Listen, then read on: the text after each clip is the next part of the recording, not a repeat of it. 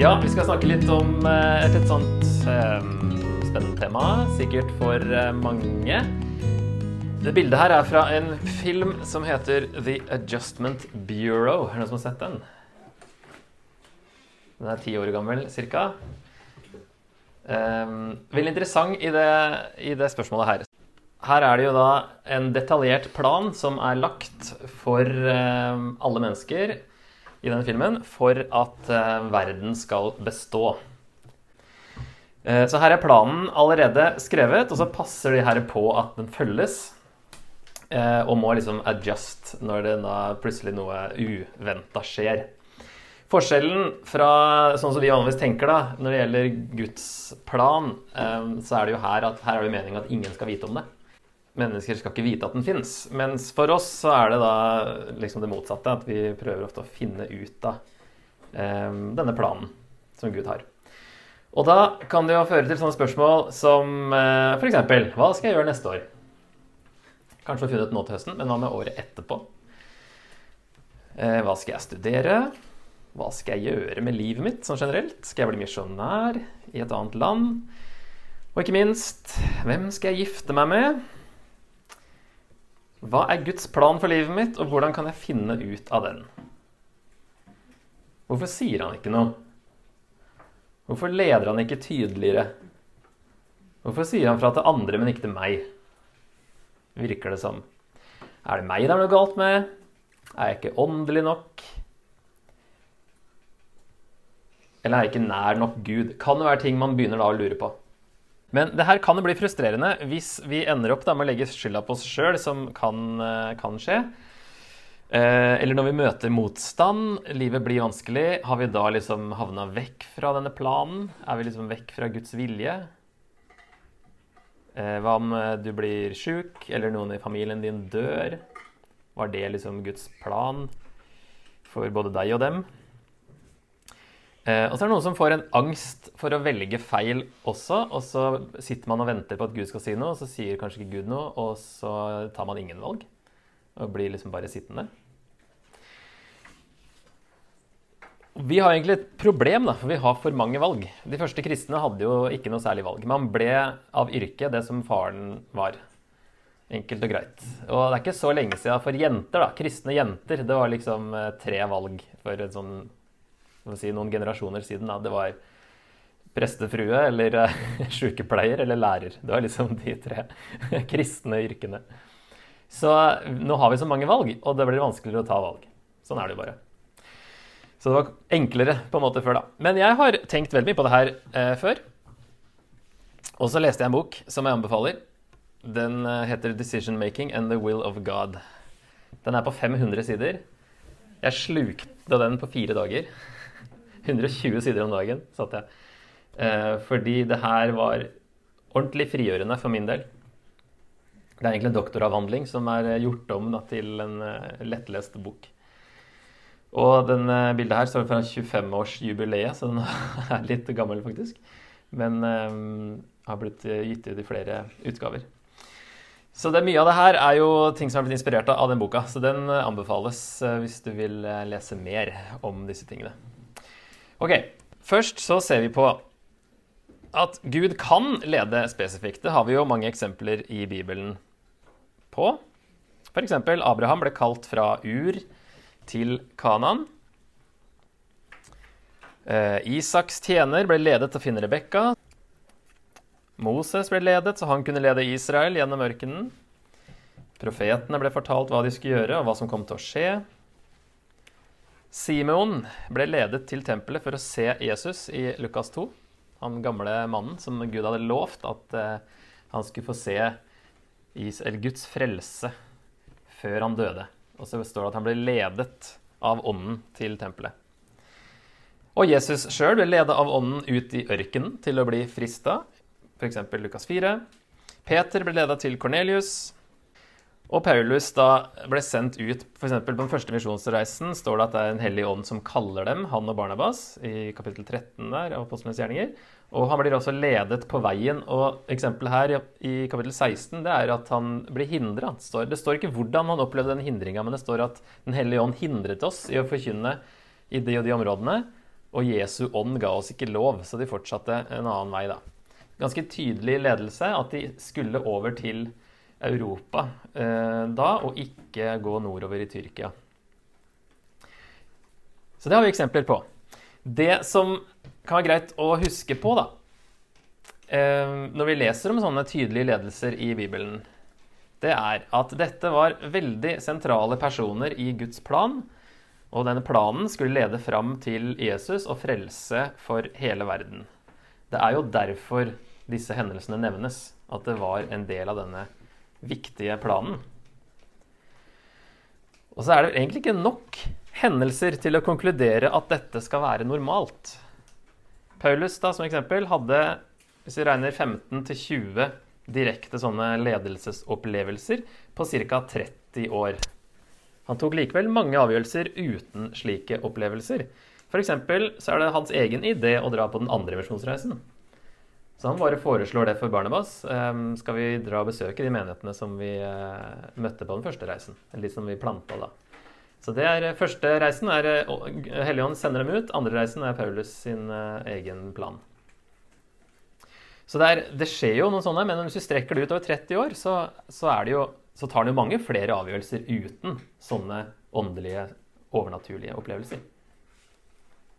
Det her er jo en, en halv opplevelse i året, liksom.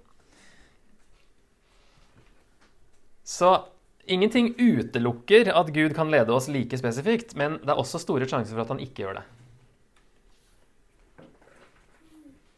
er første påstand.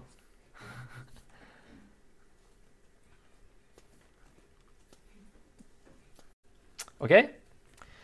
Så, okay, så hvis det her ikke er noe som vi da skal utelukkende basere oss på, at Gud kommer til å lede oss sånn som han leda disse personene i Bibelen Han kan gjøre det, men om det kanskje ikke er noe vi skal ta utgangspunkt i, så blir jo kanskje spørsmålet da eh, Hvordan leder Gud oss da?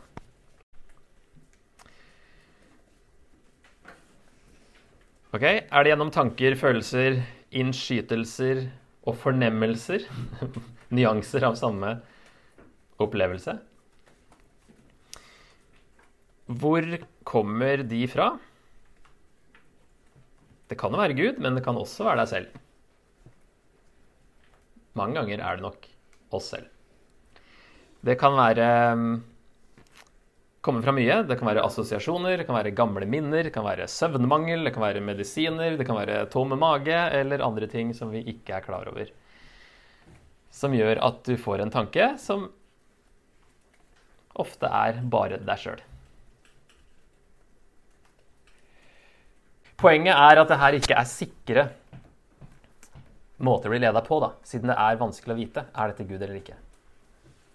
Eksempler fra Bibelen på en sånn ting som skjer, det er Nehemia. Her står det i kapittel 2.: Så kom jeg til Jerusalem. Da jeg hadde vært der i tre dager, dro jeg ut om natten sammen med noen få menn. Jeg hadde ikke fortalt noe menneske hva min Gud hadde lagt meg på hjertet å gjøre for Jerusalem. Han har fått en tanke av Gud, han kommer, han reiser jo fra Persia, kommer til eh, Jerusalem for å bygge opp igjen muren.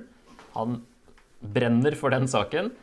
Har fått en tanke som han, når han skriver ned Eller litt senere i hvert fall enn det han skriver om akkurat her, så, så skjønner han at den tanken var fra Gud. Men det er ikke sånn at han kommer dit og sier 'Gud har fortalt meg at uh, jeg skal lede oppbyggingen av muren'. Han kommer, sier det ikke til noen før han har tatt en inspeksjonsrunde. Og så kommer han tilbake, samler de eldste, og så sier han eh, 'Det står skikkelig dårlig til her. La oss bygge opp muren'. Ikke engang da sier han 'Gud fortalte meg vi skal gjøre det'. Men i ettertid så ser han at den tanken var fra Gud, ettersom det gikk bra, og det var etter Guds plan å bygge opp denne muren. Så det er eksempelet. Han så ikke på dette som en direkte åpenbaring, siden han ikke nevner det når han prøver å få med seg flere da, noen vers senere, men at han så på det som det det var, en tanke, som kanskje var fra Gud. Det var ikke selve tanken han fikk, som overbeviste ham om at det var Gud som talte, men han ble sikker på dette når han så tilbake senere. Så der har vi et bibeleksempel på en sånn tanke, men også nyttig å se hvordan han håndterer det. Holder det for seg sjøl. Snakker ikke så veldig høyt om det, egentlig. Det viktigste er jo å få jobben gjort. Ok, så disse tingene her, da. Tanker, følelser, innskytelser, fornemmelser. Bibelen sier jo egentlig ikke at dette er måten Gud vil lede oss på heller. Det er vanskelig å vite sikkert hvor de kommer fra. Bibelen forteller oss heller ikke hvordan vi skal finne ut av det. Utover hvordan Nehemia gjorde det.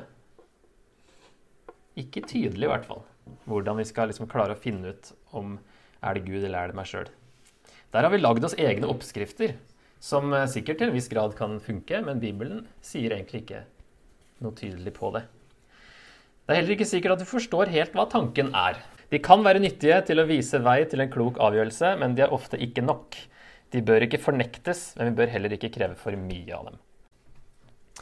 Ok, En annen sånn vanlig tanke er sånn fred eller uro. Har du fred for noe, eller har du uro for noe? Hva er kilden til uroen? Er det alltid Gud, eller kan det være noe annet? Samvittigheten vil reagere hvis du begynner å gå imot Guds vilje for hvordan vi skal leve. Da fungerer den som en sånn adjustment bureau som får deg tilbake igjen med at du kjenner at dette her var ikke rett. Men hva når vi ikke går imot Guds bud? Hva da med sånn fred og uro? Igjen, det kan skyldes andre ting enn Gud. Søvnmangel, sykdom, bekymringer, stress, en ny erfaring, usikkerhet, store vanskeligheter. Jesus sjøl òg, Johannes 12, 27, sier 'Nå er min sjel fylt av angst'. Fylt av angst! Skikkelig uro hadde Jesus. Men skal jeg så si 'Far, frels meg fra denne timen'? Nei, til denne timen skulle jeg komme. Bibelen gir ingen oppskrift for hvordan vi kan skille mellom Guds nei og andre ting som gjør oss urolige. Den hendelsen i Apostelens gjerninger 16, når Paulus blir hindra av Den hellige ånd, hindra av Jesu ånd, sier han, så vet vi ikke detaljene. som sagt. Vi vet ikke hvordan det foregikk. Ta med slike følelser i beregningen, men ikke la dem styre deg. Det er en del eh, gutter som har vært eh, ganske urolige på bryllupsdagen, si, når man skal gifte seg. Får kalde føtter osv. Um, da skyldtes det vel som regel ikke Gud at man fikk en uro. Det er veldig mye som kan slå inn. Men det er ikke helt uten verdi. Men også det her er ikke helt en sikker autoritet i seg sjøl, da. Ok, så hva kan vi da stole på?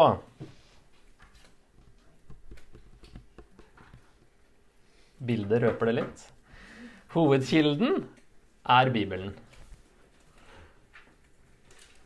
Paulus sier i 2. Timoteus 3, 16 og 17.: Hver bok i Skriften er innblåst av Gud og nyttig til opplæring, til rettevisning, veiledning og oppdragelse i rettferd, så det mennesket som tilhører Gud, kan være fullt utrustet til all god gjerning. Han snakker først og fremst om Gammeltestamentet, men sikkert noen av de nytestamentlige skriftene som er skrevet òg. Men ut fra Bibelen så kan du bli, i hvert fall inkludert Nytestamentet, kan du bli fullt utrustet til all god gjerning. Og 2. Peter 1,3.: Ja, alt vi trenger for å leve i Guds frykt, har Hans guddommelige makt gitt oss i gave ved at vi kjenner Ham som kalte oss ved sin egen herlighet og makt. Alt vi trenger for å leve i Guds frykt. Jeg skal ta klikke en siste for de som tar bildet her. Mange er veldig interessert i å vite Guds vilje for livet sitt, men gir ikke nok oppmerksomhet til all ledelsen som allerede er gitt i Bibelen. Mange ganger har jeg spurt eh, når jeg har undervist om, eh, undervist om Bibelen generelt, så har jeg spurt ofte Hvor mange er det som har lyst til å høre Guds stemme? Og det er liksom Ja, liksom alle, eller mange steder, veldig ivrig på det. Eh, og så pleier jeg å si da at eh, vi har allerede hva er det for noe? 1600 sider med Guds stemme der han har sagt det aller viktigste. Alt vi trenger for å leve i Guds frykt og for å være fullt utrustet til all god gjerning. Det står der. Og mange vil ha en sånn snarvei. da. Jeg vil bare høre Guds stemme. Gud skal fortelle meg, ha sånne overnaturlige opplevelser hele veien, men jeg gidder ikke å studere Bibelen. Det er kjedelig. Da kan det, For det første kan det være veldig usunt eh, med sånne hvis de er i lederskap. Folk som egentlig ikke kan Bibelen, men som eh, baserer eh, det meste på sånne innskytelser. Da.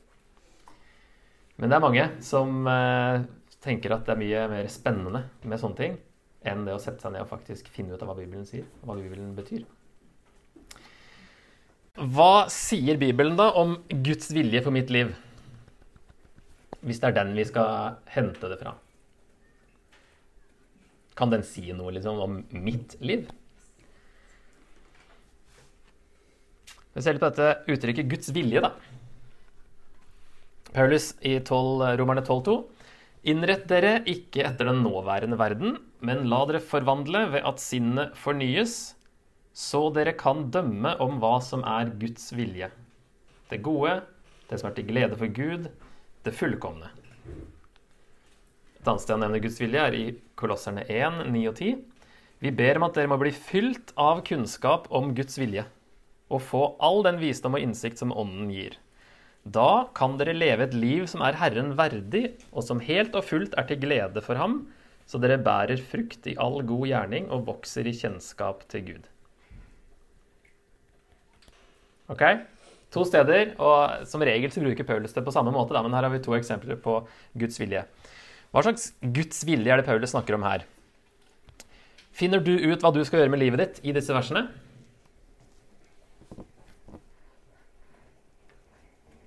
Paulus gir eksempler som gjelder for alle i disse to eksemplene her. Guds vilje handler ikke om å få detaljert ledelse for spesifikke avgjørelser, sånn som studier, jobb eller ektefelle, men om Guds generelle moralske vilje. Det er den Guds vilje som det snakkes om i Bibelen. Selvfølgelig etter Guds plan også, da, med at Messias skulle komme osv. Her er det altså, Hvis vi kjenner Guds vilje, så kan vi vite, eller dømme hva som er etter Guds vilje. Det gode, det som er til glede for Gud, det fullkomne. Kan vi vite hva som er et godt valg ut fra hva som vil være til glede for Gud. Og vi kan få hvis vi blir fylt av kunnskap om Guds vilje, da kan dere leve et liv som er Herren verdig, og som helt og fullt er til glede for ham. Helt og fullt er til glede for ham, hvis vi skjønner hva Guds vilje er. Og Guds vilje har vi i Bibelen. Da kan vi helt og fullt være til glede for ham, og ikke tenke at det må finne den derre detaljstyrte planen for å være til glede for Gud. Å være midt i Guds vilje. Ok, Så hvordan leder Gud gjennom Bibelen? Gud ønsker at vi skal klare å ta egne avgjørelser etter hans vilje uten at vi trenger å spørre ham hele tiden. Derfor har han gitt oss Bibelen. Bibelen sier ikke alltid hva vi skal velge, den trener oss i hvordan ta en avgjørelse i tråd med Guds vilje. Og Da er det også viktig å si at det her ikke er med tilfeldige bibelvers. Det er ikke det som er ment. Det er ikke, det, det er ikke sånn Bibelen er ment å brukes. At du skal bruke den som en sånn magisk bok. Stille Gud et spørsmål og slå opp, og så får du svaret. På ingen måte er det det som er ment med Bibelen. Så det her skikkelige studier gjør at du vil få et innblikk i Guds vilje. Det å forstå Guds ord Jeg kan ta et bilde til, dere som nok bilder. Det å forstå Guds ord er det viktigste for å ta avgjørelser etter Guds vilje. Han leder tydeligst gjennom Bibelen. Jeg kan jo si eh, angående det her med tilfeldig bibelvers, da, så går det an å si at eh, selvfølgelig kan Gud gjøre det òg. Men det er ikke sånn han har ment at Bibelen skal brukes. Men han kan gjøre det. Selvfølgelig kan han det. Bare så det er sagt. Eh, og så er det jo dette med Den hellige ånd, da, som kan eh, eh, lede oss, men også på den måten at eh, altså Først og fremst så leder jo Den hellige ånd oss til å leve liv etter Guds vilje, den moralske, generelle vilje. Um, Paulus skriver jo likevel brev til kristne som hadde Den hellige ånd. Så han tenkte jo de trenger jo likevel å vite ting, selv om de har Den hellige ånd. Så han tenkte han må jo veilede dem likevel. Så vi trenger jo tydeligvis informasjon om hvordan vi skal tenke og leve og den informasjonen finner vi jo i Bibelen. Der også, eh, som vi så i stad, eh, hele Skriften er inspirert av Gud. Gud har blåst sin ånd inn i ordene, sånn at eh, de virker på oss og kan lede oss på den måten. Og hvis vi kan Bibelen, så kan jo også Gud minne oss på bibelvers. Det er jo hakket bedre enn å bare slå opp tilfeldig, og så er du ikke sikker på om det var tilfeldig, eller om det var gudfeldig. Så eh, det å bli minna på bibelvers, det er jo noe som, som Jesus òg sier i Johannes evangeliet, at eh, når talsmannen kommer, så skal han minne dem på hva han har sagt. Og det finner vi jo i Bibelen. Derfor er det lurt å vite hva han har sagt, og hva som står der. Ok, så For å bare oppsummere den så langt, da. Tanker, følelser, fred og uro er ikke sikre nok kilder for Guds ledelse. Gud leder oss tydeligst ved at vi forstår hva hans vilje er, gjennom å studere Bibelen. Ok, Men Bibelen snakker jo ikke om alle de konkrete valgene jeg må ta. Hva gjør jeg da? Det er vel det store spørsmålet nå. Hva gjør jeg da, når Bibelen ikke gir et tydelig svar? Da ser det ut til at når Bibelen ikke snakker om konkrete, de konkrete valgene du skal ta om hva du skal studere, eller hvem du skal gifte deg med, eller andre ting, så har vi frihet til å velge. Når Gud ikke har gitt noe bud, så har vi frihet til å velge. Det sa han allerede i Edens hage. For det første så er jo mennesker skapt i Guds bilde, og det er bare mennesker som har denne friheten til å velge. Av og til har vi litt for mange valg. litt for mange alternativ. Men vi, vi, har den muligheten til å velge.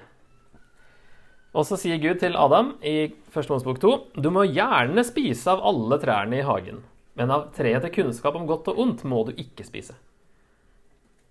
Ikke sant? Frihet å spise av alle de andre trærne, men ett som du ikke skal spise av. Så da hadde han frihet til å velge hvilke trær han skulle spise av. Poenget var å ikke gå imot Guds vilje og Guds bud. I vår frihet er målet uansett å ære og behage Gud. Det er jo likevel innenfor en viss ramme at vi har Når Gud ikke har sagt noe spesifikt, så har vi frihet til å velge. Det at Gud ikke forteller oss hva vi skal gjøre i enhver situasjon, er faktisk det beste for oss. Vi lærer å anvende hans prinsipper i avgjørelser og vokser åndelig. Da blir vi modne når vi faktisk må ta egne avgjørelser i tråd med Guds vilje og Guds karakter. Guds vilje uttrykkes jo, eller kommer jo av Guds karakter. Det er ikke sånn at Gud har tilfeldig bestemt at dette er bra, dette er ondt. Men det som er bra, er bra fordi Gud er sånn. Og det som er ondt, er ondt fordi Gud er ikke sånn. Så det er bud som kommer fra Guds karakter. Du blir kjent med Gud i Bibelen. Du blir kjent med det han tydelig har sagt også om sin vilje. Så lærer vi å bruke det, og vokser og modnes, og blir ikke hva si, eh, småbarn i Kristus, som det snakkes om. Um, men at vi faktisk eh, blir ansvarlige sjøl og klarer å bruke Guds vilje på den måten. Alle tar jo valg hver dag uten å spørre Gud. Sant? Regner med at dere ikke hadde brukte tid i bønn før dere fant ut hva dere skulle ha på dere i dag? For eksempel. Man må av og til ta litt effektive, raske avgjørelser, og da er det en fordel å vite da generelt eh, Guds vilje, Guds moralske vilje, er, og ikke føle at vi må sitte og vente på kanskje vi detter ut av Guds plan hvis vi velger feil nå.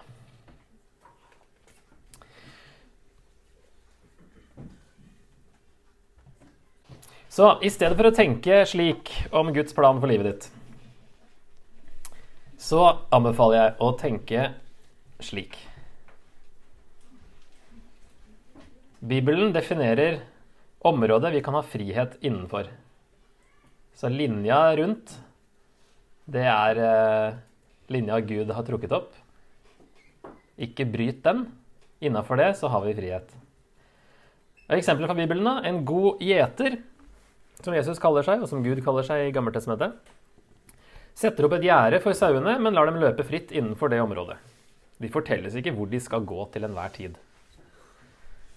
Sant? Eh, en klok far lager ikke en detaljert plan for hele livet til barna sine, som han åpenbarer skritt for skritt. Han oppdrar barnet til å ta gode og kloke valg selv. En god konge ønsker ikke å kontrollere alt folket hans gjør. Han lager lover for å beholde orden. Han vil ikke ha en nasjon av slaver. Hvis han er en god konge, så vil han ikke det. Så de bibelske bildene her gir jo mening da, i denne tankegangen her.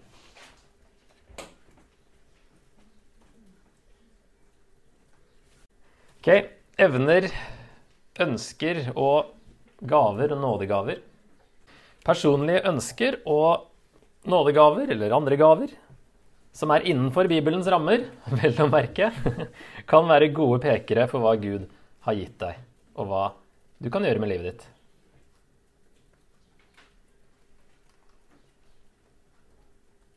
Hvis du har et veldig sterkt ønske om å gjøre noe som bryter med Guds vilje i Bibelen, da er det ikke en god peker. Det er lettere å tjene Gud av hele vårt hjerte hvis vi kan gjøre det vi liker. At ikke han kaller oss til å gjøre noe vi misliker sterkt. Han har jo skapt oss forskjellig, trolig med en hensikt. Gå i fred, tjen Herren med glede, som det sies, er jo viktig, eller lettere å gjøre da, når du føler at dette er gøy å gjøre, og dette kan jeg, dette liker jeg å gjøre betyr ikke at vi bare skal gjøre det vi liker. Det kan være slitsomt. Eh, alt kan være slitsomt, men at det kan være gode pekere, kan være. Man må ikke bruke nådegaven sin i jobb heller, da. Men det er fint hvis man kan det til en viss grad. Men det spørs litt hva nådegaven er, kanskje. Hvis det er tungetall og sånne ting, så er det kanskje ikke lett å bruke den i noe særlig jobb utenfor menigheten. Men at den skal brukes, det er jo et poeng, da. Men den, hvis den skal brukes i jobb, så er det pluss. Men den må jo ikke det. Men har man en gave til å lede, så har man jo den gaven utenfor menigheten også. Ok, eksempel her, Paulus. Han skriver i Romerne 1, vers 10-13. Jeg ber stadig om at det endelig en gang må lykkes for meg å komme til dere, om Gud vil. For jeg lengter etter å se dere, så jeg kan gi dere del i en åndens gave for å styrke dere, eller rettere sagt for at dere og jeg sammen kan bli oppmuntret ved vår felles tro. Jeg vil at dere skal vite, mine søsken, at jeg ofte har satt meg fore å komme til dere, men jeg er blitt hindret helt til nå. For jeg ville gjerne høste frukter også hos dere, som blant de andre folkeslagene. Så jeg utheva det som er aller eh, viktigst å legge merke til her, at han eh, ber om at det endelig en gang må lykkes å komme, og at han har ofte satt seg fore å komme, men har blitt hindra. Så Paulus prøvde flere ganger å dra til Roma. Og han tok ikke hindringer som et tegn, verken for eller imot. Verken på at 'oi, dette må være riktig fordi nå møter jeg motstand', eller 'dette kan ikke være riktig fordi Gud prøver å stoppe meg'. Han ser ikke ut som at han her i hvert fall eh, sa noe mer enn at han ble hindra. Og en, I kapittel 15 så virker det som at en av grunnene til at han ikke har kommet, er at han ikke var ferdig med, med alt som måtte gjøres i Hellas-området. Sånn at han eh, ble der lenger, og kanskje da Gud mente han skulle være der lenger. Men han snakker om hindring uten å liksom definere er det Gud eller er det noe annet. Han la planer selv, ser vi, og han ba over dem, ser vi. Jeg ber stadig om at det endelig en gang må lykkes for meg å komme til dere. Ofte har jeg satt meg for å komme til dere, men jeg er blitt hindret helt til nå. Men han ber over planene. Legger planer sjøl, men ber over planene sine. Sitter ikke og venter på at Gud skal fortelle han alt han skal gjøre, i hvert fall. Gud hadde ikke spesifikt sagt 'dra til Spania via Roma', som er Paulus sin plan her. Men Paulus visste at han var kalt til å bringe evangeliet til hedningene. Og Derfor kunne han legge planer innafor det kallet. Og det er litt annerledes for Paulus. Han var veldig klar på hva han var kalt til, og det er ikke sikkert vi er, alle sammen. Men alle har for så vidt det samme kallet om å gjøre disipler. Så det vet vi i hvert fall er en, en retning vi skal gå uansett hva vi gjør, egentlig. Um, men her kan man da, sånn som Paulus, legge planer som Paulus vet må være Det kan ikke være galt, dette her. Selv om han blir hindra, så prøver han igjen.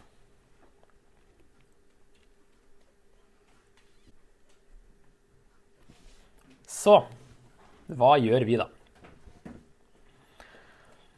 Begynne å oppsummere litt her. Vi har snakka om det, at uh, å bli kjent med Guds vilje i Bibelen, så du kan ta avgjørelser etter hans vilje uten å måtte bruke flere timer i bønnen på forhånd, det er en god ting. Det jeg oppdaga, en sånn bieffekt av når man studerte hele Bibelen, det var uh, at det ble lettere å ta avgjørelser. Fordi jeg kjente Gud bedre, hans karakter, hans prinsipper, hans vilje. Og jeg visste liksom mer sånn intuitivt hva Gud ville ha valgt, hvis han var i min situasjon. Paulus sier i Feserne 5.: Pass derfor nøye på hvordan dere lever, ikke som ukloke mennesker, men som kloke, så dere bruker den dyrebare tiden godt. For dagene er onde. Vær ikke uforstandige, men forstå hva som er Herrens vilje. Han snakker om å bruke tida godt. Man kan ikke bruke det er, ikke så, det er ikke helt eh, i tråd med det Paul sier her, hvis man sitter og ikke får gjort noen ting fordi man sitter og venter på at Gud skal si noe forstå hva som er Guds vilje. Det kan vi alle forstå, sånn at vi kan være kloke og bruke tida godt. Bibelen gir deg ikke noe kart over livet ditt, men et kompass, altså et annet bilde. da. Som en fotballbane eller som et kompass. Du får ikke kartet, men du får kompasset du går etter. Så kan du velge sti sjøl, men du vet liksom hovedretningen. Jeg tror det var Philadelphia bibelskole i Oslo som hadde en reklameannonse som det sto noe sånt som at vi tror det er lurt å ta bibelskole. Vi er en av dem. Og Det syns jeg er veldig bra sagt. At det ikke stakkars ungdommer skal sitte og lure på hvilken bibelskole er det Gud vil jeg skal ta. Men de fikk fram det her at det er bra uansett med bibelskole. Velg oss hvis du vil det, velg en annen hvis du vil det.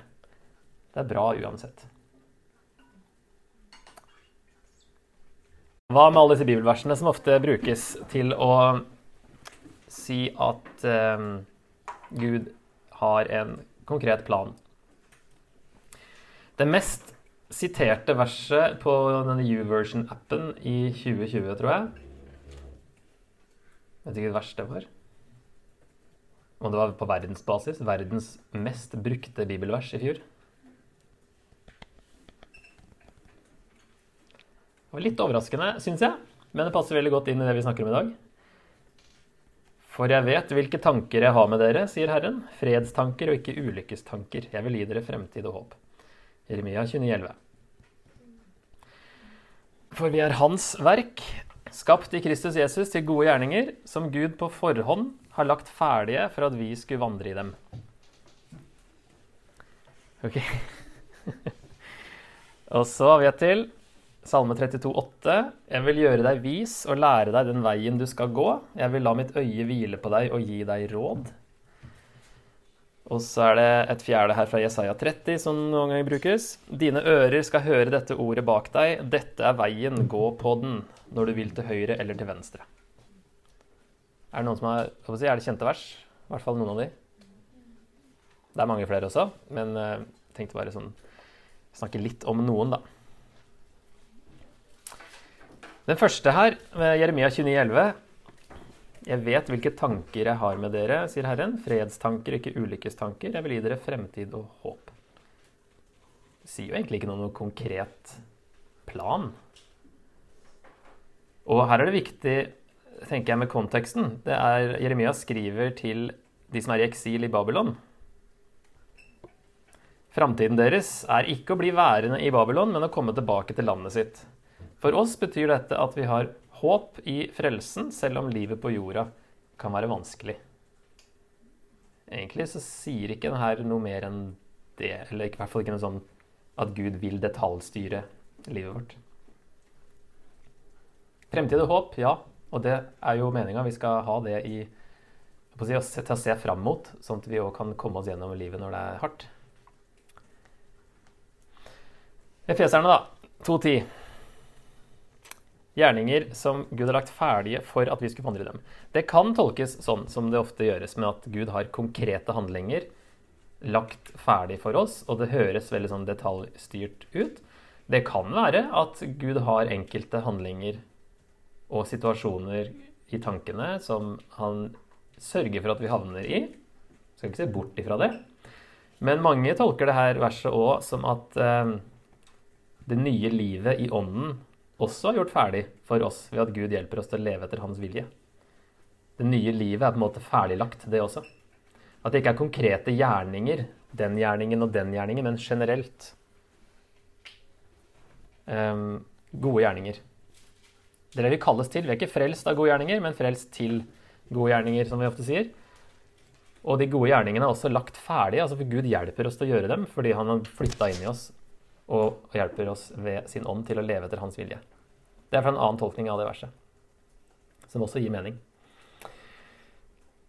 Når det gjelder Salme 32, 8 Jeg vil gjøre deg vis og lære deg den veien du skal gå. Jeg vil la mitt øye hvile på deg og gi deg råd. Så er det for det første ikke helt klart om det er Gud eller David som sier det. For David sier noe lignende i Salme 51, at hvis Gud eh, tilgir ham denne Batseba-synden, så skal han lære andre veien de skal gå. Eh, noe tilsvarende. Så det kan være David, for det er jo til det verset her, så er det David som snakker. Eh, så det, kan, det er folk litt uenige. Er det Gud eller David? Men dersom det er Gud, så betyr jo ikke det nødvendigvis en detaljert plan her heller. Ettersom da vi så at Nytestamentet snakker om Guds vilje som hans generelle moralske vilje. Gjøre deg vis og lære deg den veien du skal gå, det kan Bibelen gjøre. Og gi oss råd.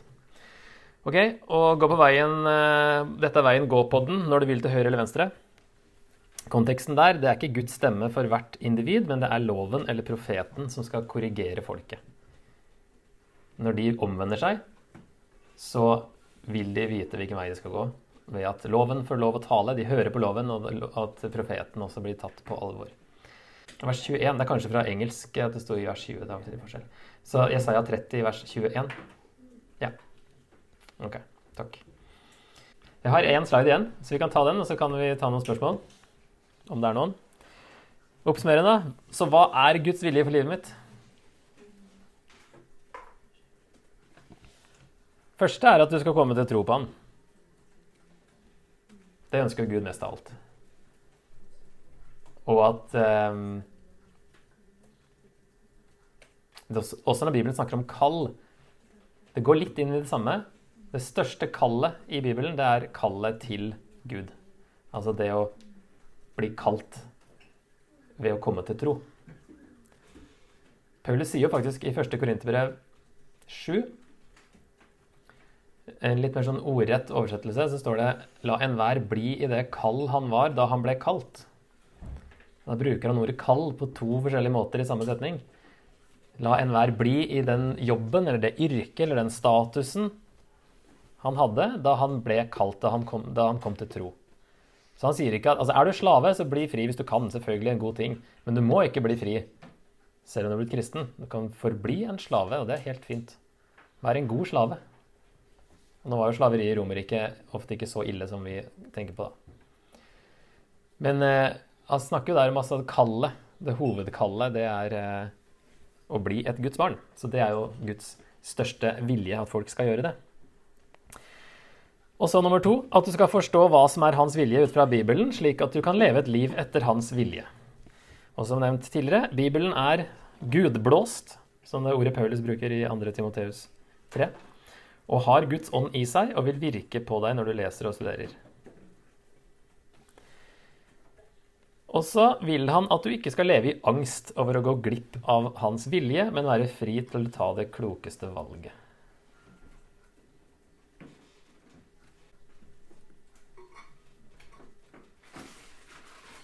Kan det være at Gud leder deg til noe spesielt? Men hvis han ikke gjør det, så tenker jeg at, har, eh, at vi har frihet til å velge basert på Guds vilje i Bibelen og Guds karakter. Kan vi velge noe som er i tråd også med hovedkallet vårt da, til å gjøre disipler også, på en eller annen måte. Det er ikke alle jobber som eh, direkte går på det, men, eh, men også gaver og ønsker og osv. inn i bildet her.